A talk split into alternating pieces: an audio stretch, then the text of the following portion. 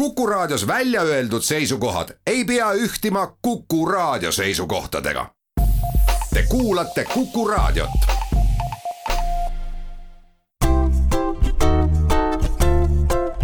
patsiendiminutid, Patsiendiminutid toob teieni Eesti Patsientide Liit. tere, hea Kuku kuulaja Covid-19 levib jõudsalt ja üha enam tuleb juurde neid, kes tunnevad, et külmetushaiguse mingid nähud kimbutavad, kas kurk kraabib, ajab köhima, võib-olla on palavik tõusnud, ei tea ju, kas see on koroonaviirus või mitte, mis neid äh, probleeme põhjustab. me räägimegi täna, mida need inimesed tegema peaksid ja millised reeglid perearsti juures kehtivad mina olen Kadri Tammepuu ja meil on telefonil Kivimäe perearstikeskuse perearst Karmen Joller, tere Karmen! Tere! mis on täna siis need perearstikeskuse töökorralduse uudised, kui me võrdleme näiteks suvise ajaga, mida praegu perearstikeskustes teisiti tehakse? no ega me väga paljut ei tee teisiti, me tegelikult oleme ikkagi perearstikeskustes alati püüdnud jälgida seda reeglit, isegi enne Covidi perioodi, et me ei lase kokku nakkusohtlikke inimesi ja neid, kellel ei ole nakkust ja võib-olla erinevus on siis maskides, et me ikkagi kanname vastuvõttudel maski ja kui on nakkusohtlike inimestega kohtumine, siis me kanname natuke suuremat kaitseastmega kaitsevarust, respiraatoritega ja prille ja, ja nii edasi. kindad käes ja põlled ees? vahel ka seda jah, jah, kitlid, ühekordsed kitlid on meil. kuidas see patsientide hajutamine siis täpsemalt käib, et kas ähm, ühed haiged tulevad ühel päeval ja teised haiged tulevad teisel päeval? Kellaajad on peamiselt need, kuidas meie perearstikeskuses hajutatakse, et meil on äh, pärastlõunal teatud kellaajast me võtamegi vastu ainult äh, neid inimesi, kellel on siis mingid infektsioonisümptomid, sõltumata sellest, kas tal näiteks see põhikaebus on noh, näiteks nohu või köha või tal tuleb hoopis liigesevalu pärast. kui on mingid sümptomid, et siis me ootame ikkagi, et patsient seda meile mainib ja me saame talle panna aja siis äh, selliseks ajaks, kus ta ei ohusta teisi inimesi äh, perearstikeskuses. muidugi on hästi oluline see, et inimene tuleks õigel ajal ja lahkuks õigel ajal sellepärast, et mida vähem inimene viibib siin meie perearstikeskuse ruumides, kus võib olla ka teisi nakatajaid, seda tervislikum see talle on, et paljudes perearstikeskustes on võimalik luua ka eraldi ruumid näiteks, et täiesti eraldi sissepääs või siis eraldi kabinet on just nende nakkusohtlike patsientide vastuvõtmiseks. et ma tahaks ka toonitada seda, et tegelikult äh, vastuvõtule tuleku eelduseks ei ole Covid testi tegemine, et kui inimesel on tervise tõttu vaja, siis ta tuleb ikkagi vastuvõtule. ja kui on vaja, siis tehakse ka Covid test, aga lihtsalt me peame teadma, et just need, kas need sümptomid on või ei ole kas inimesel, kes tuleb perearstikeskusesse, peab endal ka mask äh, olema olemas näiteks kohe ette panema või on võimalik seda kuidagi ka teie juurest saada? Üldiselt me pooldame seda, et, et perearstikeskusest saaks selle maski. osad perearstikeskused äh, eeldavad, et inimesel on endal mask olemas, osad perearstikeskused annavad ise, et see sõltub ka nüüd sellest, äh, mida me eeldame või ootame, et, et meil, meil siin on kvaliteetsed maskid, eks ju, et tegelikult äh, need, mida inimesed ise vahel kasutavad, nad ei ole võib-olla nii kvaliteetsed, nad on mingid tolmumaskid või nagu ise tehtud maskid. kuna selline teaduslik tõendus puudub, et et seesama tolmumask või isetehtud mask väga-väga oluliselt aitaks, siis me sellepärast ikkagi eelistame, et kasutataks kirurgilist maski. see kirurgiline mask inimest ennast ei kaitse, ta kaitseb tema eest teisi kust perearstid täna maske saavad ja kas sealt, kus nad tahaksid neid osta, seal on nad olemas? no kui ma aus olen, siis ma täpselt ei tea, sest et mina isiklikult meie varustamisega ei tegele, aga minu laua peal praegu on karp täiesti korralikke kirurgilisi maske ja ma ei ole kuulnud ka ühtegi sõnumit, et neid meil kohe otsa saaksid. lihtsalt on ette nähtud, et perearstikeskustes peab olema teatud perioodiks ikkagi varu kevadel räägiti seda, et nohu pole Covid-19 sümptom. nüüd öeldakse, et parem karta kui kahetseda, mida sa ütleksid, et kas nohu ja köhaga peaks täna tööle minemata jätma või ka lapse koolist või lasteaiast koju jätma? praegu on meie kõigi ühiskondlik kokkulepe see, et haigena tööl, koolis ja lasteaias ei käi siin ei ole mõeldud haigusena siis vererõhuhaigust, eks ole, või, või mingit südamehaigust, vaid ikkagi seda mingisugust nakkushaigust, mis väljendub hingamisteede sümptomitena nagu köha, nohu, üldine halb enesetunne, kurguvalu, võivad olla ka liigesevalud ja nii edasi.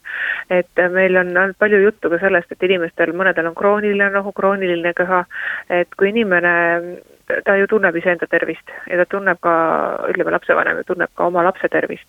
kui nüüd on näha, et see on täiesti tavaline igapäevane köha ja nohu, mis on seotud kroonilise haigusega, siis see loomulikult ei ole takistuseks tööle, kooli ja lasteaeda minekuks. aga kui on tegemist uue nakkusega, siis kindlasti tuleks jääda koju praegu ja me pooldame ka testimist.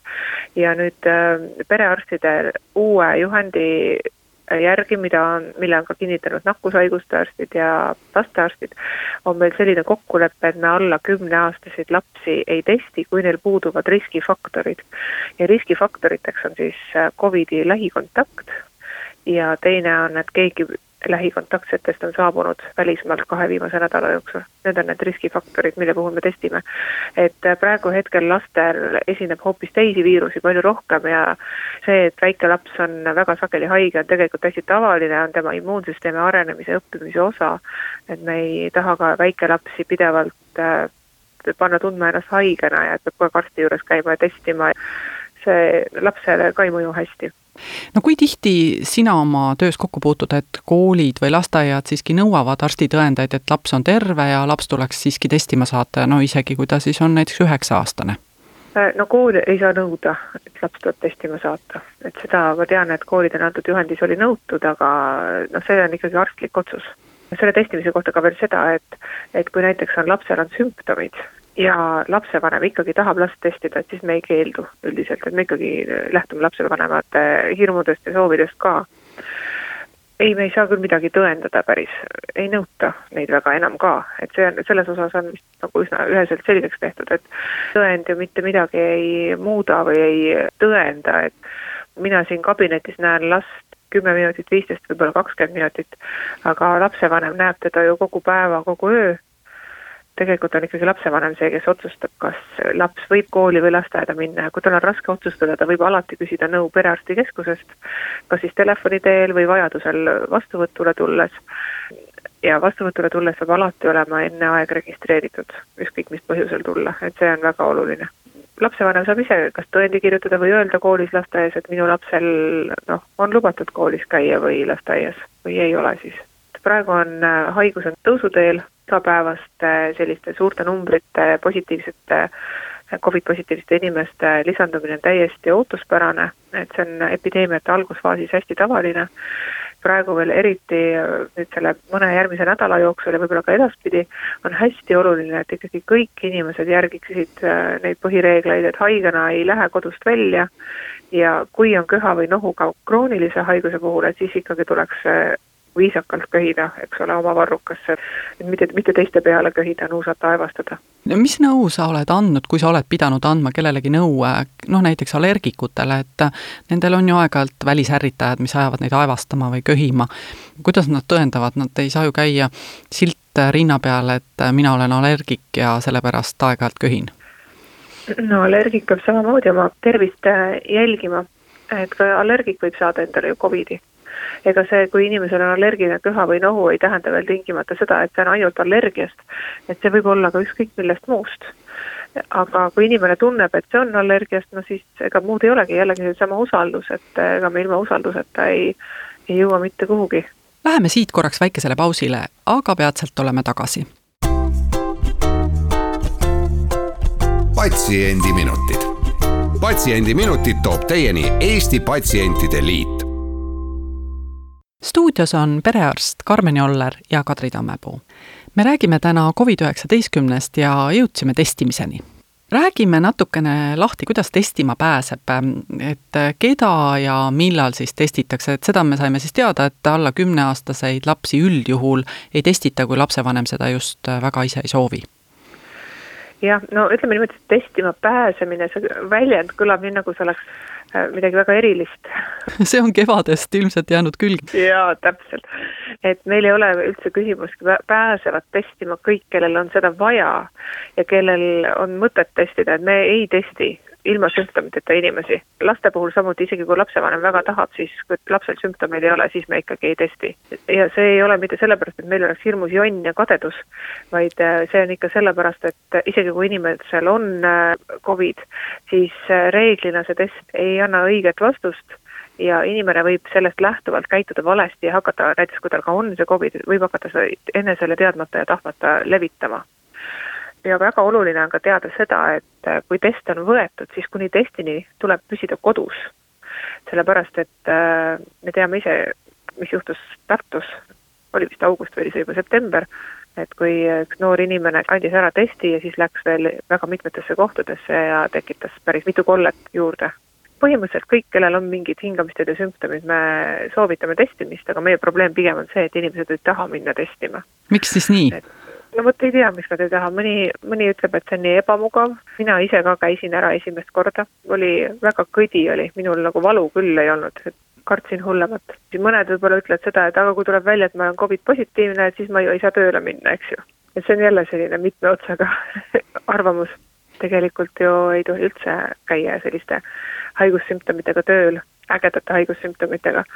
kui inimene on, on ta siis laps või täiskasvanu, et kui ta on jäänud haigeks ja kui tal näiteks on tuvastatud, et Covidit ei ole, eh, või siis alla üheksa aastase lapse puhul me seda testi ei tee, alla kümneaastase puhul, ja kui ta tunneb ennast väga hästi ja ta tunneb, et ta jaksab töötada ja lapsevanem näeb, et eh, laps jaksab koolis, lasteaias kõikidest tegevustest osa võtta, siis ta võib minna tagasi kollektiivi. Kui haigusest jääb selline väike kerge köha-nohu, siis see ei ole vastunäidustus. sa ütlesid enne, et ähm, niikaua, kui ei ole teada testi tulemused, nii kaua peaks jääma koju. no räägime siin näiteks täiskasvanud inimestest ka, et ähm, kuidas haiguslehte perearstid välja annavad, kas juba sellel hetkel, kui minnakse testi tegema, sellel hetkel juba saab ka haiguslehe või käib see kuidagi teisiti? no eeldusel, et me testime inimesi, kes on haiged, siis haigele inimesele anname me alati haiguslehe negatiivne testi tulemus äh, ei tähenda, et inimene võib minna ju tööle, kui tal endiselt on köha-nohu ja halb olla.